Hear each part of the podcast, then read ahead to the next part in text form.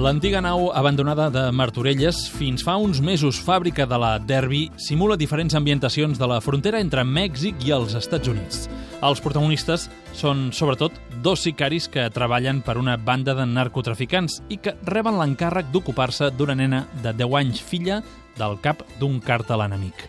El temps en cinema és molt valuós, però Termans, en declaracions a Catalunya Informació, no s'ha volgut lamentar, tot i que reconeix que l'experiència el deixa cansat. Ha sigut molt dur perquè només en 4 setmanes doncs, és, és poquíssim per fer una pel·lícula. 21 dies, estic cansat, no, no, no t'haig d'enganyar, perquè és un ambient, o sigui, un ritme molt, molt, molt intens, molt, molt bèstia, però bé, és el que cal i no sé, no hi ha un altre, no és el moment de fer pel·lícules de grans pressupost perquè és molt difícil aixecar finançament avui en dia.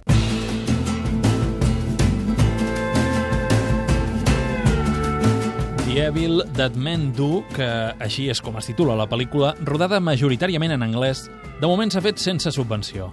Una faula moral en forma de thriller psicològic que Ramon Termans li ha servit per reflexionar sobre el mal i sobre si és possible la redempció, tot plegat amb una mirada diferent de la violència. També volia filmar-ho jo d'una manera que, que dolgués, perquè ara estem acostumats a tanta violència que ja no, no, no, sembla com que no ens importi, no? O sigui, estem, veiem una pel·lícula americana, meten a 30 abans del minut 10 i no t'afecta, no?